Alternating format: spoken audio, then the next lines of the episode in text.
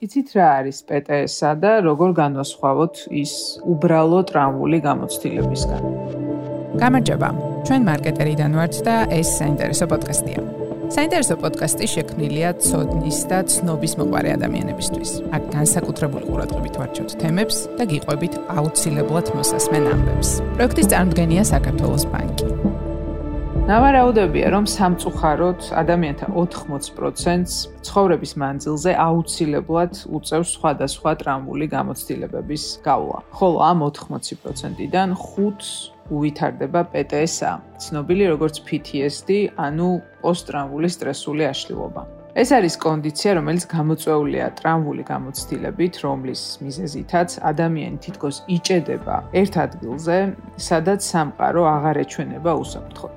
ნორმალურია, რომ ნებისმიერ ტრამვულ გამოცდილებაზე ჩვენ რა თქმა უნდა გვაქვს შესაბამისი განცდები, თუმცა თუ ეს განცდები და დისტრესი ერთ თვეზე მეტხანს გრძელდება და თან ახლავს ისეთი უსიამოვნო სიმპტომები, როგორიცაა ღამეუძილობა, ფლეშბექები, შიშები, ადვილად გაღიზიანება, საკუთარი თავის დადანაშაულება, დიდი ალბათობით ჩვენ საქმე გვაქვს სწორედ PTS-ასთან. მოკლედ რომ ვთქვათ, ეს გავს განცდას, რომ თითქოს ის ტრავმა, რომელიც უკვე წარსულშია, მაინც მუდმივ რეჟიმში გრძელდება და დაყვება თან ყველგან და ყოველთვის. საყურადღებო ისიცაა, რომ სტატისტიკურად ქალებს უფრო ხშირად უვითარდებათ ეს კონდიცია და დღევანდელ პოდკასტში სწორედ ამ მიზეზსაც შევეხებით, რომლის უკანაც საკმაოდ არგუმენტირებული ლოგიკა დგას. ეს თემა განსაკუთრებით აქტუალურია ახლა, როცა რუსეთის აგრესიის შედეგად მასობრივად დაზიანდა ადამიანების ფსიქიკა უკრაინაში და არა მხოლოდ. სწორედ ასეთ ხალხთან მუშაობს ჩვენი დღევანდელი სტუმარი, ფსიქოთერაპევტი ელენე ჯაფარიძე, რომელიც ყველაფერს მოგუყვება პეტეასთან დაკავშირებით. გამარჯობა ელენე, მადლობა რომ ხვედი ჩვენთან სტუმრად სასაუბროთ ამ მნიშვნელოვან თემაზე, რომელიც არის პოსტტრაუმული სტრესული აშლილობა, ცნობილი როგორც PTSD, ხო ესე შემოკლებით. აა, მერც ქართული ის ქართულადაც მოიხსენებ, PTSD. აა, როგორ გძნობ თავს პირველ რიგში? გამარჯობა ნატალია, დიდი მადლობა. კარგად. არაპეტეს აურად. ძალიან კარგი. ელენე, რატო შევარჩიეთ ახლა ეს თემა? მაინც გეტყვი ორი სიტყვით. ერთი რომ მენტალური თემები, მენტალურ ჯანმრთელობასთან დაკავშირებული თემები პრიორიტეტული არის ჩვენთვის და ძალიან გვინდა რომ რაღაც ჩვენი წვლილით შევიტანოთ ცნობიერების გაზრდაში ამ დარგში და მეორე რომ მაინც საქართველოსი ეს რაღაც ძალიან იგრძნობა ხოლმე ეს სტიგმა, ხო, ესეთი თემების მიმართ და ადამიანებს იმიტომ რომ ინფორმაცია არ აქვს შესაბამისი, იმიტომ რომ ეს სტიგმაც რაღაცნაირად ბოჭავთ, არ აქვს ხოლმე იმის საშუალება, რომ აი რაღაც აღიარონ ეს პრობლემა საკუთარ თავთან და საზოგადოებასთანაც და მათ ახლობლებთანაც კი, ხო? პირველ რიგში ჩემი დაკვირვებით საკუთარ თავთანაც ძალიან უჭირთ ხოლმე ამის აღიარება და ფიქრობთ, რომ ინფორმაციის, სწორი ინფორმაციის მიწოდებით შეიძლება ამის ხელშეწყობა, რომ რაღაც შვება იპოვონ ადამიანებმა, თუნდაც ერთეულებმა უკვე ძალიან ბევრს ნიშნავს, ხო ეს. ამიტომ შევარჩიეთ დღევანდელ თემად PTSD, ანუ ეს პოსტტრაუმული სტრესული აშლილობა, რომელიც რამდენად გავრცელებულია საქართველოში, მოდი შენ გითხარი, მე ნახე ზოგადი რიცხვები, რაც სოფლიოში დაახლოებით ესე ესეთი ის ნახე, რა ქვია, სტატისტიკა, რომ 80% მაინც ადამიანების ცხოვრებაში ტრავმულ გამოცდილებას გადიან და ამ 80%-დან 5% არის დაახლოებით შანსი, რომ განუვითარდეთ პოსტტრაუმული სტრესული აშლილობა. აი, საქართველოს შენი გამოცდილებით ხშირია ეს მოვლენა? სამწუხაროდ საქართველოს ჩვენ არ გვაქვს ესეთი სტატისტიკა. სტატისტიკა არ გვაქვს, ხო? და ძალიან სამწუხაროა ეგ ამბავი. შენს მიერ გაკეთებულ პატარა კომენტარს გამოვახმაურები, რომ ძალიან კაია ესეთი გადაცემები, განსაკუთრებით ადამიანებს, როცა ისმით სიტყვა აშლილობა, აი ამ აშლილობაზე მოდის სტიგმის უმეტესობა. შიში, შიში ჩნდება, ხო? ძალიან დიდი შიში ჩდება, ჩდება იმისი განცდა, რომ შენ იქნები გარიყული საზოგადოებიდან, შენი აშლილობის გამო. და პოსტტრაუმულ სტრესულ აშლილობაზე მინდა ვთქვა, რომ ეს არის რეაქცია სტრესზე.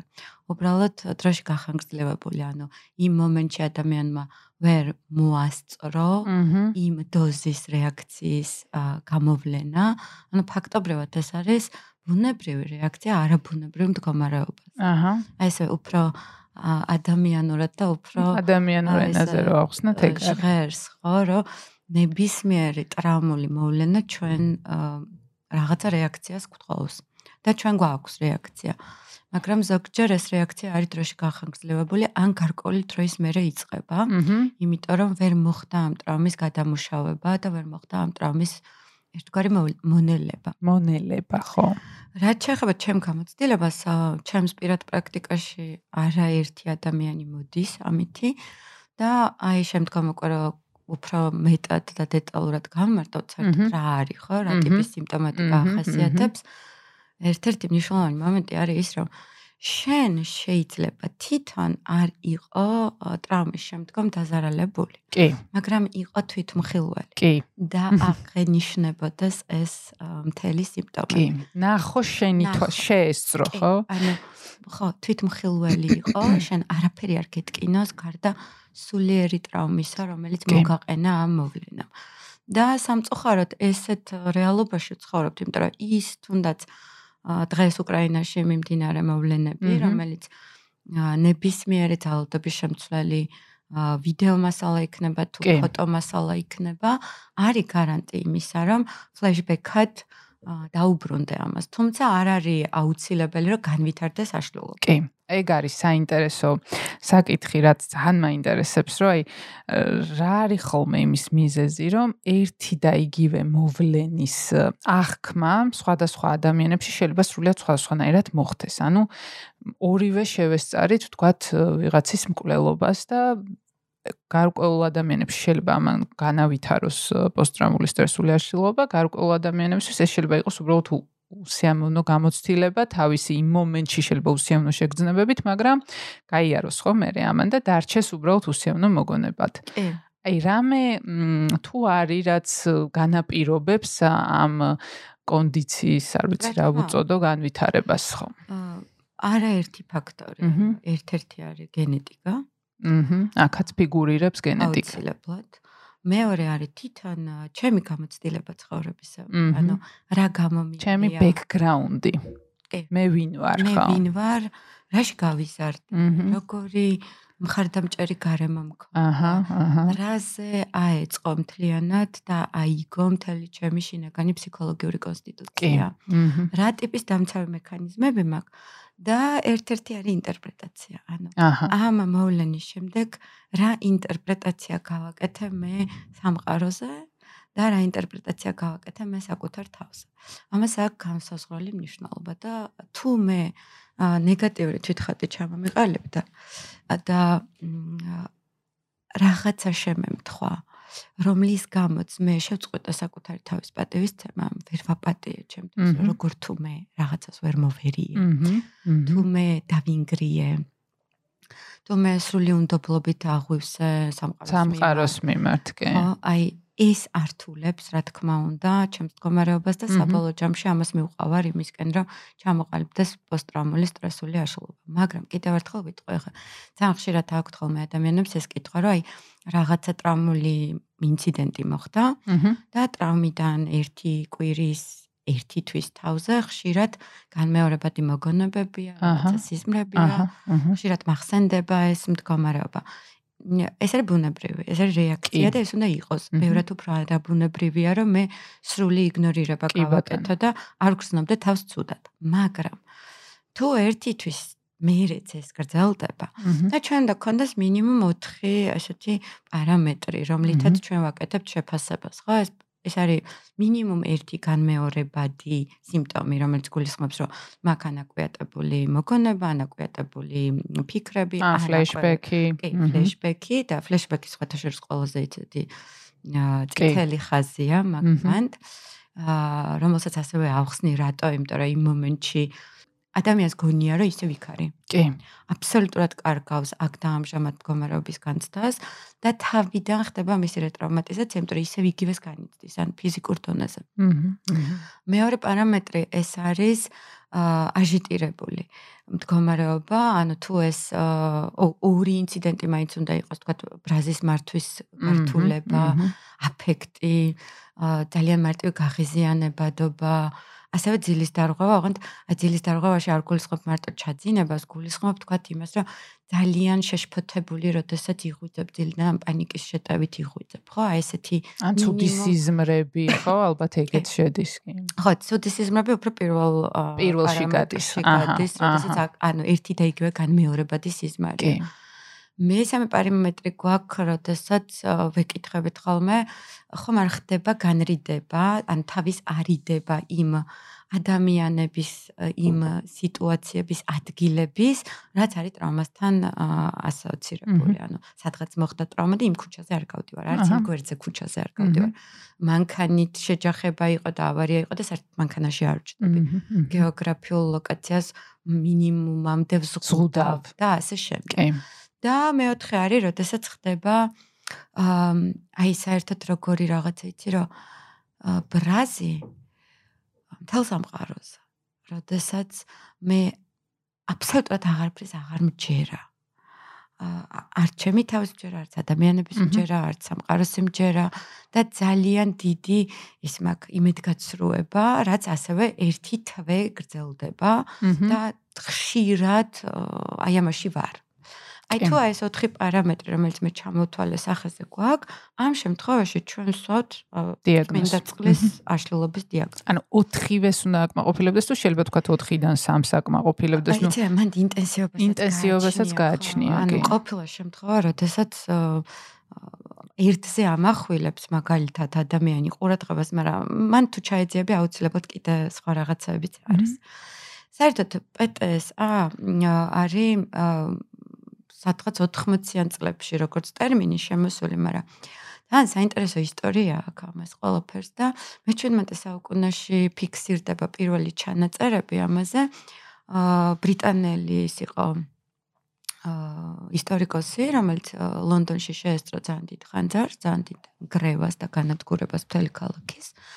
და მან აღწერა ეს ყველაფერი და აი ამ ჩანაწერებში ფსიქოლოგიის სახელმძღვანელოებშიც არის შესული ეს ჩანაწერები ის აა წერს რომ 6 თვე გავიდა ამ მოვლენის მერე და მიჭერ ჩაძინება და როცა ვიძინებ მაინც სიზმარში ვხედავ ამ ხანძარს და მეორე ძალიან დამახასიათებელი სიმპტომი პეტესასთვის არის დანაშაულის განცდა რომელზეც ეს პეპის ლაპარაკობს რომ აა მას ტანჯავს დანაშაულის განცდა რომ გადარჩა და კიდევ მეტად ტანჯავს დანაშაულის განცდა, რომ გარდა იმის, რომ გადარჩა მისი ქონება არ დაზიანდა. აჰა. საინტერესო რამეა ეს. ეს ფაქტორი, რომ შეიძლება მე არ მქონდეს ფლეშბექები, მე შეიძლება არ მქონდეს აა არ ვიცი მე აკვიატებული სისმარე, მაგრამ დანაშაულის განცდას მე თუ დიდი ხნის განმავლობაში ვგრძნობ, ანუ ეს დანაშაულის განცდა მიგრძელდება თვეზე მეტი. ან შეიძლება მოვლენიდან, ეს ტრაუმული მოვლენიდან თითქოს რაღაცა შოკის მდგომარეობა აბსოლუტურად ვერაფერს ვერ გრძნობ, ვარ ანესთეზირებული, არაფერი არ ხდება და უცებ იწება გარკვეული პერიოდის მერე. აი ეს მთელი სიმპტომატიკა, რომელიც ჩამოვთვალე, ხო? ან მხოლოდ დანაშაულის განცდამ ტანჯავს. ეს არის ზუსტად იმის მანიშნებელი, რომ ვერ მოხერხდა ამ ტრაუმული გამოცდილების გადალახვა. ვერ მოხერხდა ამის გადამუშავება და მიღება. და მიღება კი. არის რამე მოცდის პერიოდი, შეიძლება რომ თქვათ, რომ რაღაც წლების მერე გაგახსენოს იმ ტრამვამ თავი თუ როგორც წესი მალევე მოყვება ხოლმე ეს ესეთი სახის სიმპტომები თუ ვითარდება ეს მდგომარეობა. როგორ არ არის და ხშირ შემთხვევაში როგორ არის, იცი რომ მოხდა რაღაცა ტრაუმა, რომლის განდევნა მოხდა ფსიქიკიდან.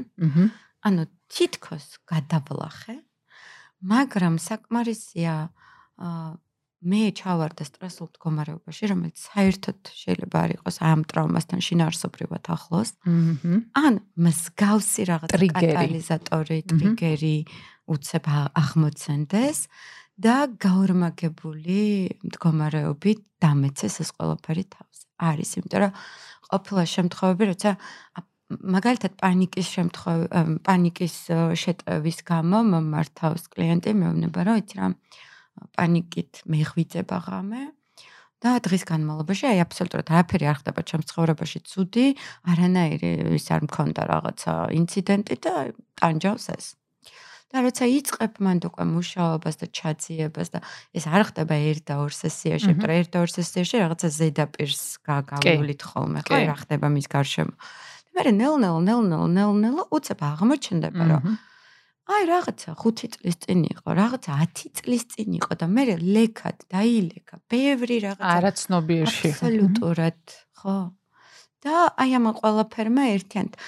ამოცანა რა არის ის ერთად რომ მე როგორ ვახერხებ რომ ტრავმას გავუმკლავ და იმ მომენტში ზოგჯერ აი ეს განდევნის მექანიზმი რა საერთოდ დავივიწყო არის ჩემი გადამრჩენელი აუცილებლად ანუ ეს მექანიზმი ფსიქიკას თავისით რო არ ჩაერთო მე ვერ გადავრჩება კი. მაგრამ დროთა განმავლობაში იცვლება სიტუაცია და შემდეგ ეს მექანიზმი ხდება ჩემი ერთგვარი წევლა იმიტომ რომ მე აღარ მჭირდება ეს მექანიზმი და ვერაფერს ვერ უშვები იმდენად ძლიერად არის ჩართული სანამ არ გავაცნობიერე საერთოდ რის გამო ჩაირთო. ანუ ხშირად ერთი და იგივე მექანიზმი რომელიც მე მაძლევს საშუალებას რომ რაღაცა ძალიან მწარეს გავუძლო. მე მაბრუნებს ისევე მწარეში იმისთვის რომ ის თავის დროზე მე უბრალოდ გავუძელი, გადავრჩი, მაგრამ არ დამიმუშავებია. ანუ ეს ყველაფერი არ და გადამიღეჭავს. და რაღაცნაირად ისე გადაუყლაპე. და წამოვედი რომ შემძლებოდა სიარული და მამძიმებს შემდგომ. მამძიმებს ხო. და გამოიხატება აბსოლუტურად სხვადასხვა იმაში სიმპტომში. და რა თქმა უნდა ხა რამდენად სტრესულ გარემოში ვცხოვრობ როგორ ვზრუნავ საკუთარ თავზე რამდენად მაქვს კონტაქტი საკუთარ თავთან რამდენად შემძლე თვით რეფლექსია რამდენად შემიძლია ავხსნა რამ ჭირს ანუ ყველაზე დიდი პრობლემა ხშირად არის ხოლმე რა რომ იმის გამო რომ მე არ მაქვს გარანტია რომ ჩემს ამ სიმპტომებს სერიოზულად შეხედავენ. ხარში დამიდგებიან ანუ ჩემი სოციალური გარემო მხარდამჭერი არ არის. ხშირად ადამიანები იზოლირდებიან მარტოები რჩებიან და ეს ყველაფერი კიდევ უფრო მძაფრდება კი. და ხშირად პოსტტრაუმული აშლილობა ზუსტად იმიტომ ყალიბდება რომ ადამიანს არ ქონია საშუალება გაეზიარებინა ეს ყველაფერი, რა ნახა, რა გადაიტანა, რა ეთკინა, რამ შეაშინა. არ ქონია. და ეს ყველაფერი მარტომ იზოლირებულად გადაიტანა და აი სხვათა შორის ჭალებში გადაიტანა. ხო, ჭალებში გადაიტანა და ძალიან კარგი ციგნებია თანამედროვე ფსიქიატრიაში, რომელიც არაჩვეულებრივად აღწერს ვიეტნამის ომის ვეტერანების მდგომარეობას, აი ამ ომის შემდგომ, ხო? აი 80-იან წლებში დაიწყეს ამერიკელებმა საერთოდ პოსტტრაუმულ აშლილობაზე ლაპარაკი, ამის შესწავლა, და აი უსწორად ამ ომის ვეტერანების, კი, ომის ვეტერანებით, იმიტომ რომ აა წარმოიდგინე, როცა შენ ხარ ჯარისკაცი, რომელსაც მოეთხოვება რომ იყოს ძალიან მამაცი, რომელსაც მოეთხოვება რომ უნდა იყოს ძალიან ძლიერი, ანუ ძალიან ბევრი გენდერული როლი შემოდის, რომელიც აი ჯარისკაც მასკულინობა და ასე შემდეგ და არაფერს არ უნდა შეეშინდეს. და იქ ნანახი კატასტროფები და უბედურებები, რომელიც ვერც ერთი ადამიანი ამას ვერ გადაიტანს ჯანსაღად, ხო? ეს ყველაფერი იჭრებოდა მათ ყოველდღიურობაში და ხდებოდა ძალიან მძიმე აფექტები, ანუ საშინელი აგრესიის გამოვლენა, აბსოლუტურად უდანაშაულო ადამიანებზე, იმისი განცდა, რომ ანუ ეს ადამიანები ღამე იღვიძებდნენ და ეგონათ რომ ისე ვიქიყვნენ. ანუ ეს ყველაფერი არის აღწერილი და მხოლოდ ესეთ შემთხვევაში მიმართავდნენ ფსიქიატრს, როცა უკვე დაუოკებელი იყო მთელი ეს სიმპტომატიკა. კი. სხვა გზა აღარ აქვს. უკიდურეს გზაში. და უკიდურესობამდე რო არ მიხვიდე, უნდა გააზიარო. კი. და გააზიარების ხშირად გწხვენი, ანუ აქ მარტო ჯარისკაცზე არ არის ლაპარაკი, ანუ უმეტესად. აა სხვათა შორის საინტერესო სტატისტიკა არის ქალებსა და კაცებზე. რომ ქალებში უფრო ჭარბობს, ხო? და ამას ხშირად ძალიან აა ესე სექსისტურად აღწერენ ხოლმე რისი წინააღმდეგიც ვარ რა. აა იმიტომ რომ ქალი არის უფრო ემოციური, ასე შემდეგ არის. ეს კითხვა მე მქონდა შენთან და ზუსტად აი მაგ მიმართულებით, რომ მა იმიტომ რომ ქალები უფრო როგორც წესი ამას ვისმენ ხოლმე ამას იმიტომ რომ ქალებს უფრო ემოციური სამყარო აქვთ და უფრო მეტად სენსიტიურები არიან ხო? ეს ეს ისმის ხოლმე ეს სექსისტურად როგორც წესი. ქალებიც და კაცებიც არიან ემოციური არსებები კი. მეც ასე მგონია. და ქალებიც და კაცებიც იბადებიან ემოციურ არსებებად უბრალოდ სოციალიზაციის პერიოდში დაშვებულია ქალმა გამოხატოს ემოცია, მამაკაც ეკრძალება.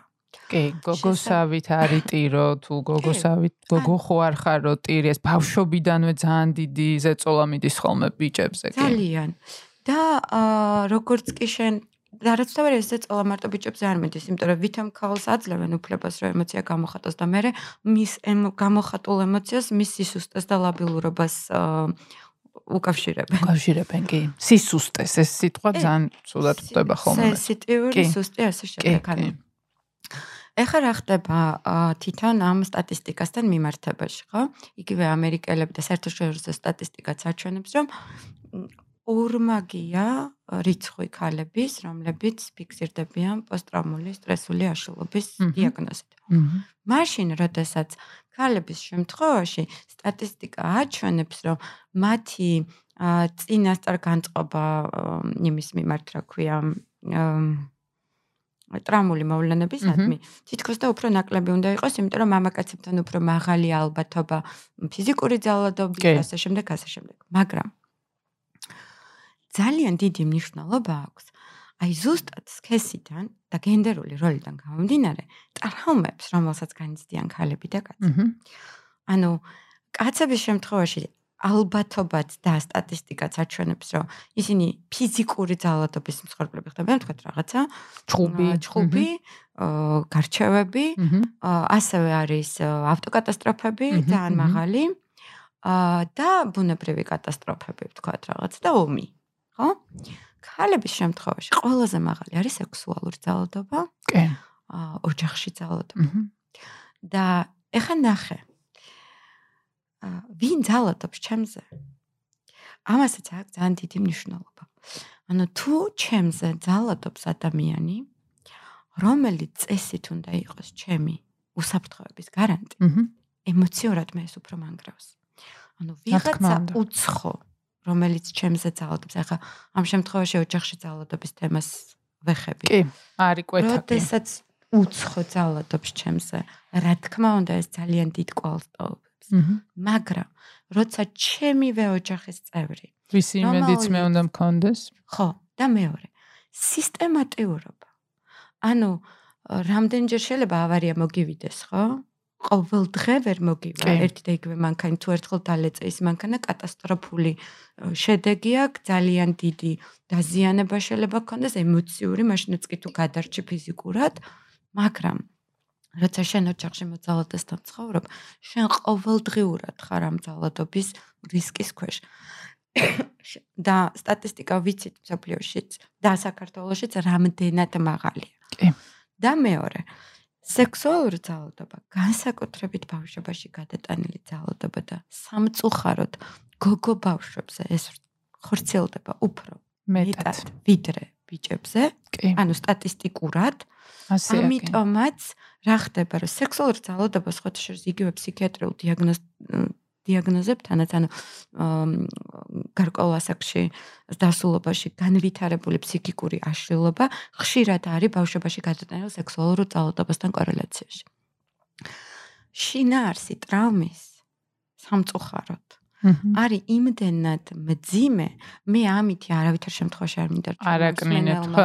იფიქროს რომ ვაკნინებ კაცების გამოცდილებას, არა.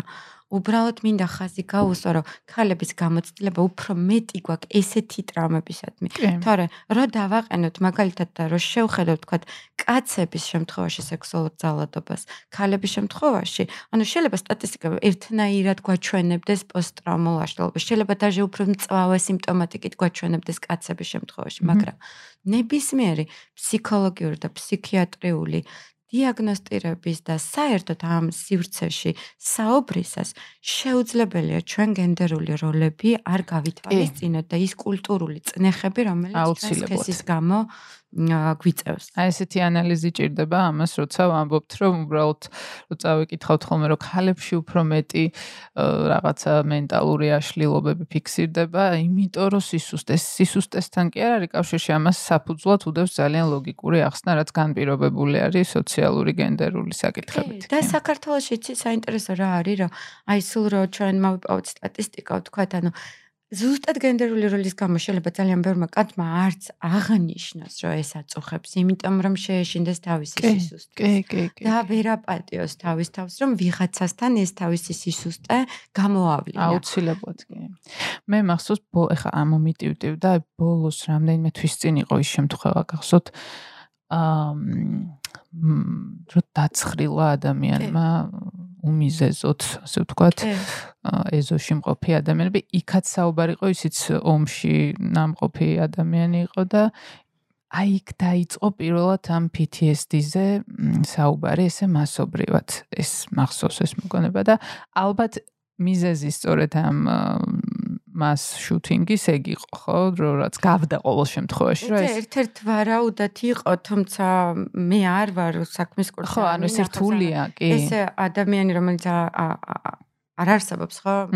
დასკვნარო. კი, კი, არა, ესე 100%-ით ვერ ვიტყვით, მაგრამ რაღაცა ლოგიკაზე. კი, კი, და აი მახსოვს, რომ პირველად გაჟღერდა ეს საერთოდ ძალიან ბევრი ადამიანისთვის საერთოდ გაუგებარი და უცხო იყო, იმიტომ რომ წამოვიდა რაღაც ავტომატურად აგრესია, რომ თითქოს ის ადამიანი, ვინც ეს ჩაიდინა, რაღაც გააზრებული მოქმედება გააკეთა და რა. ფაქტია, რომ გააზრებული საერთოდ არ იყო. კი, რა თქმა უნდა, ხო, ესე რაღაცებს ესე გააზრებულად ალბათ არ აკეთებენ ადამიანები და მახსოვს, რომ გაჟღერდა ჟღერდა PTSD და ბევრი დაინტერესდა რომ აი აბა რას ნიშნავს. ელენე, ეს მოვლენები, რაც რამაც შეიძლება რომ დაატრიგეროს PTSD, PTSA, ხო, როგორც ჩვენ ამბობთ, უნდა გავიჯინო ეს ტერმინი. ძირითადად მაინც არის ძალიან ძაფრი შინაარსის, ხო, ან სიკვდილთან უნდა იყოს კავშირში, ან გაუპატიურებასთან, ან ფიზიკურ ძალადობასთან, ხო, აი, მაინც უფრო ესეთი ძაფრი შინაარსის ტრამვული მოვლენები უნდა იყოს ხო? რამაც შეიძლება ეს დაატრიგეროს თუ შეიძლება ვიღაცისთვის სრულიად ესეთი უצინარი არა მაგრამ ნუ შედარებით უצინარმა მოვლენამ შეიძლება განაპირობოს ეს შეიძლება ველოსიპედიდან გადმოვარ და ამანაც შეიძლება ეს გამოიწვიოს ხო? გააჩნია რა ანუ როგორ აღვიქვამთ ამას კი როგორ ვიყავი რამდენად დამეხმარნენ როგორ მოვითხოვე საერთოდ იმ მომენტშიც უკვე ხო ან ტრაუმის მერე ზუსტად. და ძალიან დიდი მნიშვნელობა აქვს ჩემს შინაგან მდგომარეობას აი იმ დროს. როგორ გრძნობ მე თავს, რამდენად ვარ მოწყვლადი ზოგადად, რომ რაღაცა მოვლენამ, რომელიც არ არის სასიამოვნო, მე აი თითქოს ბოლო წვეთი იყოს და გამტეხოს რა. ისე რომ ავხსნათ ეგ მდგომარეობა, აი რას განიცდის ამ აშლილობის მქონე ადამიანი, რას შევადაროთ?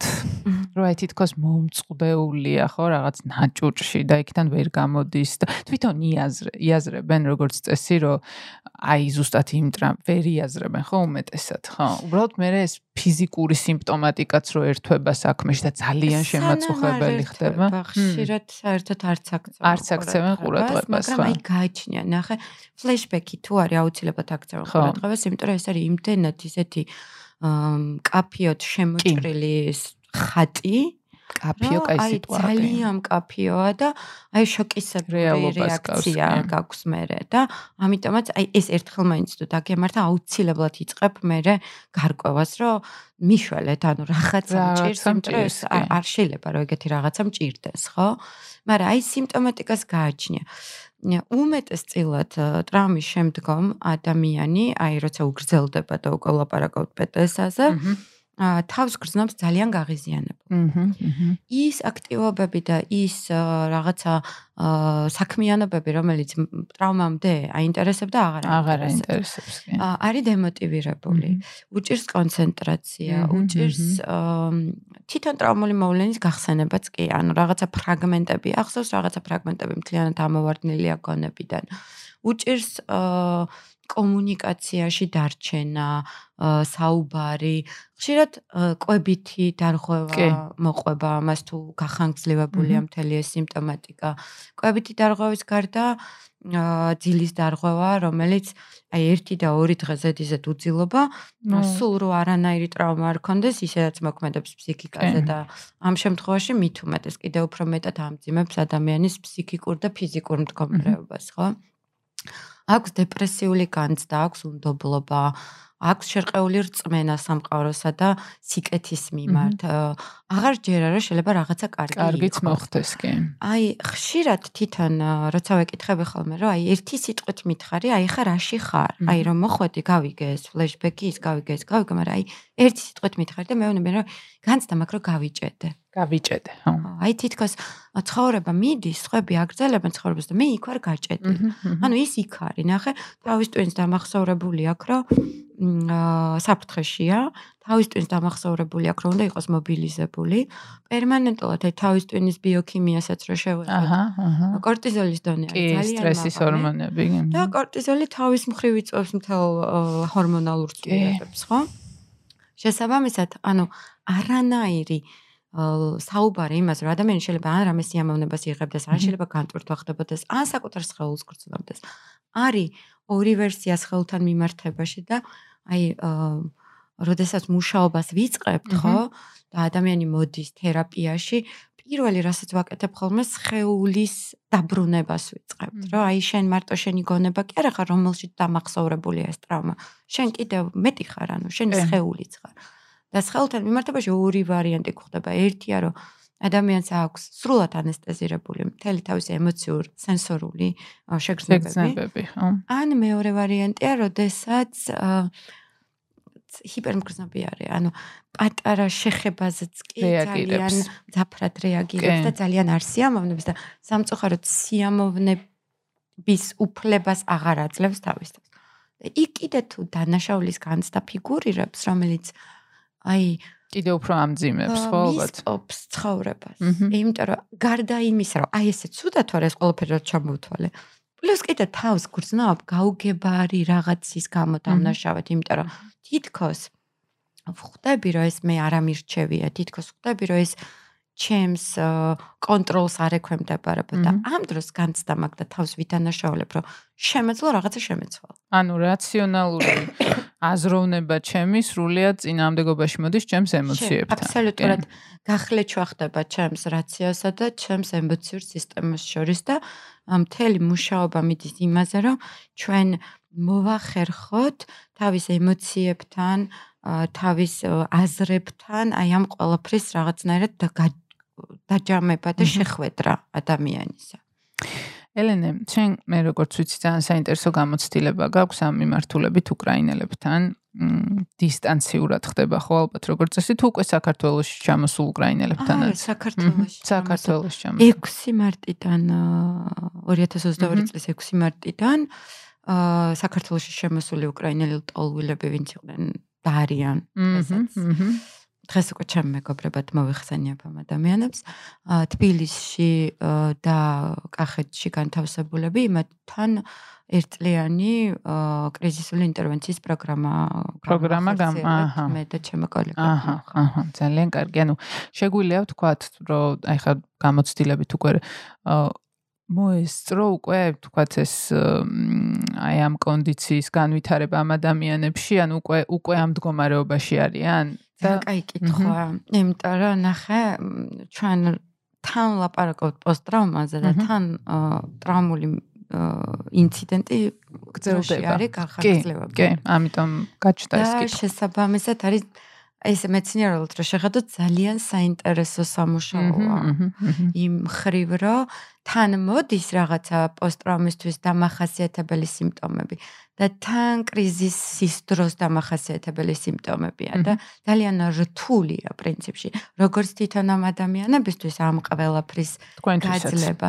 ისე ჩვენთვის როგორც პროფესიონალებისთვის ამ ყველაფერთან ურთიერთობა. იმიტომ რომ ერთია რომ ჩვენ შეიძლება ძალიან ბევრი რაღაცა გქონოდა და წაკითხული პოსტტრაუმაზე, ომის ტრაუმაზე, მაგრამ აი ესე ცოცხლად ამასთან მუშაობა აბსოლუტურად სხვა გამოცდილებაა და ძალიან ძიმე. და აი რა შეგიძლია გამოყო, რომ აი უმეტესად რა პრობლემების წინაშე დგანან? აა იცი რა არის? აი რასაც თუ არის რამე ერთგვაროვანი ესე გამოხატული. პირველ ეტაპზე მე ხა ლაპარაკობ ძალიან ბევრ ადამიანზე, რომელმაც პირადად ჩემი იმაში გაიარა, ხო? აი და ასეულობით ადამიანზე თუ მე 1000-ეულ, ხო, ბევრი. ოღონდ ეს ამ ადამიანებიდან ნახე, აა ჩვენ თბილისი განსაკუთრებით ერთგვარი ტრანზიტული ადგილი იყო, სადაც ისინი შემოდიოდნენ, უმეტესობა ჩვენთან შემოდიოდა მარიუპოლიდან და ხერსონიდან. აჰა. და შემდგომ თბილისში აა ეძებდნენ გასავალს რო გასულიყვნენ სხვა ქვეყნებში და იქ ჩაბარებოდნენ ლტოლვილებად. თუმცა ვიღაცები დარჩნენ. ისინი ვის დარჩნენ და იმათთან ვისთანაც ჩვენ მოვახერხეთ სისტემატიური მუშაობა, იმათთან ჩვენ შეგვიძლია ველაპარაკოთ, რომ გვაქვს ნამდვილად ძალიან ძლიერი ალიანსი უკვე შექმნილი როგორც თერაპევტებს და საკმაოდ ამოწეული ერთგვარი coping სკილები და სტრატეგიები, რითიც ისინი ახერხებენ. ფაქტიურად პრევენცია შეგვიძლია, ხო, თქვათ, რომ გამოგივიდათ იმის, რომ მომავალში ეს ტრამვები არ რო არ გართულებული, რო არ გართულებული ხო. აი ზუსტად. ზუსტად. რო ანუ ის სირთულე რომელთაც შემოვიდა იმაზე უფრო მეტი სირთულე არ ყოფილიყო და გაგვეკეთებინან ჩვენ ამას სტაბილიზაციას ვეძახით. აა იმიტომ რომ recovery რაც არის იმაზე საუბარი ჯერ ძალიან ძალიან ადრეა რა თქმა უნდა. იქ ქმარი იბრძვის, მამა იბრძვის, ძმა იბრძვის, მიმდინარე, მიმდინარე აი ამ ომშია. ვიღაცები, ვისთანაც ჩვენ რამდენიმე შეხვედრა მოვახერხეთ, იმიტომ რომ დატოვეს ქვეყანა და წავიდნენ, ხო? იმათანაც სულ მუშაობდით აი პირველად შოკურ მდგომარეობაზე, ანუ პირველი როცა ტრავმა ხდება და ესეთი მოვლენა ხდება, არის შოკი. და არის ძალიან დიდი სურვილი საერთოდ ყველაფრის გარიყვის და განდევნის. მეორე იყო დერეალიზაციის განცდა, რომ ეს ყველაფერი რაც მოხდა რეალური არ არის. დეპერსონალიზაცია, რომელიც ასევე იყო, როცა გვეუბნებოდნენ, რომ ანუ მე ვხვდები რომ მე ვარ, მაგრამ მე ვერ გრძნობ რომ მე ვარ. ანუ ანუ იმდენად დიდი უბედურება გადამხდა, რომ მირჩევნია მე არ ვიყო. ანუ თან ცოდნა მაქვს რომ მე ვარ, ანუ კატასტროფული განცდა ამისია. ესე თეორიულად ახსნა ერთია და ამის შეგრძნება ეს არის რომელსაც მოყვება ძალიან დიდი შიში. ამ დროს თავდაცვითი მექანიზმია. მესამე არის გამუდმებული ალერტის მდგომარეობა, ანუ როდესაც ჩემი ფსიქიკაც და ჩემი სხეული მართული ბრძოლის უნარიანობაზე ძალიან აგრესიული და დაჭიმული კუნთები ალბათ. დაჭიმული. აი და მეოთხე არის როდესაც უკვე გარკვეული ტიპის მუშაობა განხორციელდა, უკვე წარმოსული გლოვა. გლოვა. რომ მე დავიწყო გამოგლოვა იმ სახლის, იმ ქალაქის, იმ ქუჩის, ადამიანების, იმ ცხოვრების, ცხოვრების კი.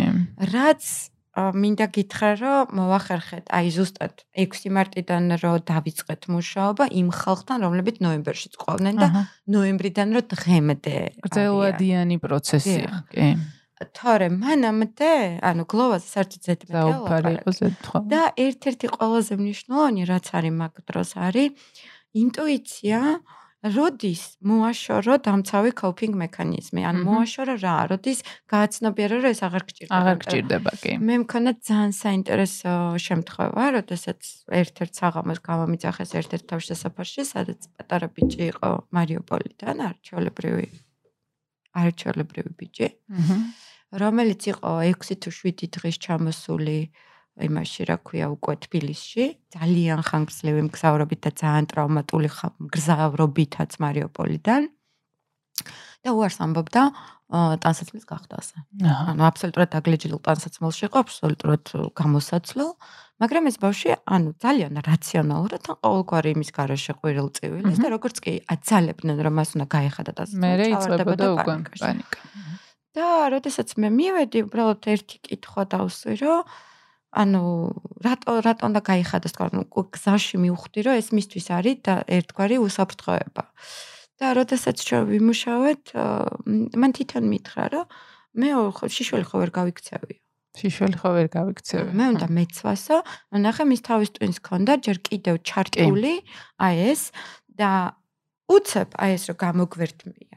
ჩვენ მას ჩავაგდებდით კიდევ უარეს მდგომარეობაში, ამიტომაც რა თქმა უნდა დროს აქვს ძალიან დიდი მნიშვნელობა, რომ მის ტვინს დაეჯერა, რომ ის უსაფრთხოდ არის, მის ხეულს დაეჯერა, რომ ის უსაფრთხოდ არის, რომ აი აქ არ ჩაირთვება განგაში, ის არ უნდა ახტეს და არ უნდა გაიქცეს. და აი ეს აი ესეთი ძალიან ბევრი кейსი იყო, როდესაც უმეტესობა თვეები რჩებოდა განგაშის მდგომარეობის. სხვათა შორის ერთ-ერთი აი ჩვენთვის ძალიან ისეთი წესი გქონდა, რომ მოდი აი სამ სესიას რო დაესწრები ესე ჯგუფურს. მეოთხეზე შენ უკვე გამორთული გაქვს ტელეფონში განგაშის აი ეს სირენას, რასაც ეძახე, იმიტომ რომ პირდაპირ ქონდათ მიერთებული კიევში, რომ ირთვებოდა ან ნებისმიერ სხვა უკრაინულ ქალაქში, სადაც დაბომბის საშიშროება ჩდებოდა, ამათაც ერთად. და როდესაც გამოვიკვლიოთ, რომ აი ხარ ადეკვატურია თბილისში ხარ, რა გინდა? მაგრამ ნახე, ემოციურად დანაშაულის განცდა იყო, რომ მე აქ ვარ თბილისში უსაფრთხო. და არ ვიცოდე, რომ ჩემს სამშობლოში რა ხდება, კი. აი, ჩემები, მე ხო უნდა ვიცოდე. კიდე უარესად დამნაშავედ გრძნობ და აი ხო ეს დამნაშავის განცდა ხო გადარჩენილის დამნაშავის განცდა როგორც პეტესთვის არის დამახასიათებელი, ისე სტრესულ მდგომარეობა გადარჩენილისთვის არის დამახასიათებელი და იქ დგები დილემის წინაშე, რომ რა გავაკეთო ახლა? მოვუ ანუ გავათიშინო ეს? თუ ცოტა ხანი ისე ვიმუშაოთ, რომ თავისით გათიშოს, რა თქმა უნდა, ისე უნდა ვიმუშაოთ, რომ თავისით გათიშოს. ხო. და აი აი ძალიან ბევრი кейსებია ეგეც. შენ ბავშვები რო ახსენე, გვაქვს მან რამე სტატისტიკა შეგვიძლია ვთქვათ, რომ ბავშვი ვთქვათ უფრო მეტად აა მიდრეკილი, კიდე უფრო მეტად ღია შეიძლება იყოს ამ ტრამვების ესე შესრუტვისკენ და უფრო მეტი რისკი ქონდეთ რომ განვითარდეს BTS-ა. რა თქმა უნდა, იმიტომ რომ ის რაღაცა სირთულეები, რომელსაც ჩვენ შინაგანად ფსიქოლოგიურად, მაგალითად დღეს დასრულ ასაკში ვაწყდებით, ხო? უმეტესწილად არის ბავშვობაში ჩამოყალიბებული, რომელსაც შემდგომ მე განვითარების ეტაპებზე დაემატა და დაემატა რაღაცა. ახლა ნახე, ბავშვობა არის ყველაზე ისეთი პერიოდი, როდესაც ყველაზე მეტად ბავშვს ჭირდება უსაფრთხოების განცდა. ანუ იქ სადაც ბავშვი თავს გრძნობს უსაფრთხოდ, ბავშვი ყალიბდება ჯანმრთელ ბედნიერ პიროვნებად. როგორც კი ბავშვთან ირღვევა უსაფრთხოების განცდა და შემოდის ძალიან ძლიერი შიში და თან არავინ არ არის, რომელსაც შეუძლია რომ დაეხმაროს ამაში, ან არის, მაგრამ ვერ ხდება როგორ დაეხმაროს. გარანტია იმისი, რომ ბავშვთან ჩამოყალიბდეს ბევრი სირთულე, ძალიან მაღალია. და მთელი ჩვენი მუშაობის ერთ-ერთი პრიორიტეტი ზუსტად ის იყო, რომ პირველ ეტაპზე ძალიან შეზღუდულები ვიყავით ფინანსურათაც, არ ქონდა დიდი დაფინანსება. ამოცანა ჩვენი იყო, რომ პირველ რიგში არ დაგვეზოგა ენერგია და გვემუშავა ბავშვებთან, მაგრამ ეს ბავშვები იყვნენ დედებთან ერთად. და თუ დედასთანაც არ იმუშავე, აზრი არ არის. არაფერი არ გამოდის, ანუ დედაც უნდა იყოს სტაბილური, ბავშვიც უნდა იყოს სტაბილური და ადაპტაცია უნდა მოხდეს ახალ გარემოსთან. გარემოსთან, კი. შესაბამისად, მე პრიორიტეტი გავაკეთეთ ბავშვების და დედების. ქალების.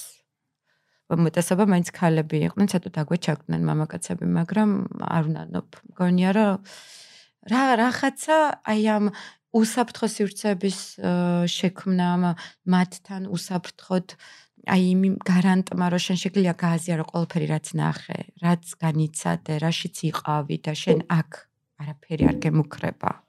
და მარტო არ ახარ აი ამ გამოცდილებას. მარტო არ ხარ კი, აი ამ საკოლოზე დიდი ძალა, ხო. მაგრამ რა თქმა უნდა, ბავშვები მე უკვე გამომუშავებული მაგ გარკვეული თავდაცვის მექანიზმები და როგორც ზრდასრული ადამიანი ხვდები, რომ ბევრად მეტი ბერკეტი მაგ თავი დავიცვათ. ბავშვს არ აქვს. არ აქვს კი. ელენე, კარგ ნაწილზეც გადავიდეთ. აბა, რასაც ქვია recovery და შველა, რომელიც ნამდვილად არსებობს და მე როგორც ვიცი, ეს შეიძლება რომ საერთოდ გავაქროთ ხო ჩვენი ცხოვრებიდან PTS-ა, ხო? ისე რომ საერთოდ აღარ შეგვაწუხოს ცხოვრების რაღაც ეტაპიდან. უბრალოდ არის ხანგრძლივი პროცესი, ხო? აი, კურნალობის და ამ გამკლავების გზების შესწავლის გზა როგორია? ორი სიტყვით ეგეც გითხარი. ძალიან დიდი მნიშვნელობა აქვს. რამდენი ხანი ვიმყოფებ მე ჩემ თავს ამ მდგომარეობაში და სიმწვავეებიც გვაქვს ხო რაღაცა შუა. მაგალითად დახმარებაზე, გარკვეული სტიგმის გამო და ვიცახე რომ მე არაფერი არ მჭირს და ფსიქოლოგთან და არ ვაღიარებ კი. მეორე, კომპლექსური მკურნალობა არის პირველ ეტაპზე ყველაზე მნიშვნელოვანი, ანუ ესეთ დროს დაინიშნოს სწორი ანტიდეპრესანტი ან შფოთვის მომხსნელი პრეპარატი, სწორად დაინიშნოს და ამისაც ძალიან ხშირად ეშინიათ ადამიანებს, იმიტომ რომ კი, ეს стереოტიპი არსებობს, რომ ფსიქიატრი თუ ნიშნავს რაღაცა წამალს, ნიშნავს, რომ მთელი ცხოვრება უნდა ამ წამალზე იყო, არ არის ეგრე. ფსიქიატრი ნიშნავს წამალს იმისთვის, რომ ჩვენ ამ კონკრეტულ რაღაცას სიმპტომი არ ვიცი მე გავაქროთ და ამიტომ არის საჭირო ფსიქოთერაპია, რომ ჩვენ მიზეზამდე ჩავიდოთ. ამოვქეკოთ სიღრმეები და ზუსტად და გადავამუშაოთ. და ერთად, იმიტომ თუ ძალიან მწოვია სიმპტომები, სამწუხაროდ ფსიქოთერაპიამ შეიძლება გაამწოვოს რაღაცები. არის შემთხვევა, რომ ჩვენ ვერ შევეხებით ტრავმას თუ მე არ ვარ მზად. ანუ მე თუ არ ამომიშენდა გარკვეული რაღაცა საყრდენები შიგნით, თუ არ გავძლიერდი, თუ არ როგორ ვთქვა, არ გამიჩნდა რწმენა, რომ ისევ არ დავინგრევი. და აი აი ეს როგორც ფსიქოთერაპიამ უნდა თავის მიმდინარეობ ანუ შეხვედრათა სისტემატიურობით დაგეგმოს, ხო? ისევე არის წამალზე ძალიან ბევრი რამე დამოკიდებული, რომ სტაბილიზაცია მოხდეს, მე ვიყო ძლიერად მე არ მაწუხებდეს შფოთები, მე შემეძლოს ღამე დაძინება, მე შემეძლოს წესიერად ყვება, მე დავუბრუნდა სოციალურ ცხოვრებას და ასე შემდეგ და ასე შემდეგ. გავაგრძელო ცხოვრებით ტკბობა. და ვისაც აწუხებს ეს, მინდა უთხრა, რომ აქედან გამოსავალი არსებობს, იმის გამო რომ ამას ქვია აშლილობა, ეს არ არის ისეთი რაღაცა, რომელიც არის ქრონიკული. და რაც უფრო ნაადრევ სტადიაზე ამაზე დავიწყებთ სრუნვას, მით უფრო ნაკლები დრო, ნაკლები რესურსი და ნაკლები ფული დაგვახარჯება. ბოლოს ფულიც ვახსენებ. არა, ეგეც მნიშვნელოვანია თან დღევანდელ რეალობაში. ხო, ნამდვილად მნიშვნელოვანია. არა, საშუალება, კი. საშუალება, რომ კეთილ ფსიქოლოგთან მივიდნენ და ესეთი უფასო პროგრამები ძალიან შეზღუდულია ქვეყანაში და თან მე პირადად არ ვიცი რა პოსტტრაუმულ აშლილობაზე იყოს რაიმე უფასო პროგრამა. არც მე არ გამიგია არასდროს ნამდვილად. უღრმესი მადლობა ესეთი საინტერესო საუბრისთვის და ძალიან გასაგებად ყველაფრის ახსნისთვის და თან ხმის ტემბრიც ისეთი რაღაცა დამამშვიდებელი გაქვს რომ ძალიან სასიამოვნო იყო მართლა და აა იმედი მაქვს რომ მომავალში კიდე რამე უფრო საინტერესო თემებზეც ვისაუბრებთ და აა ბევრ წარმატებას გისურვებ შენ საქმიანობაშიც და პირად ცხოვრებაშიც და ყველაფერში მოკლედ ძალიან დიდი მადლობა და დროებით. თქვენ უსმენთ საინტერესო პოდკასტს პროექტის წარმოდგენია საქართველოს ბანკი.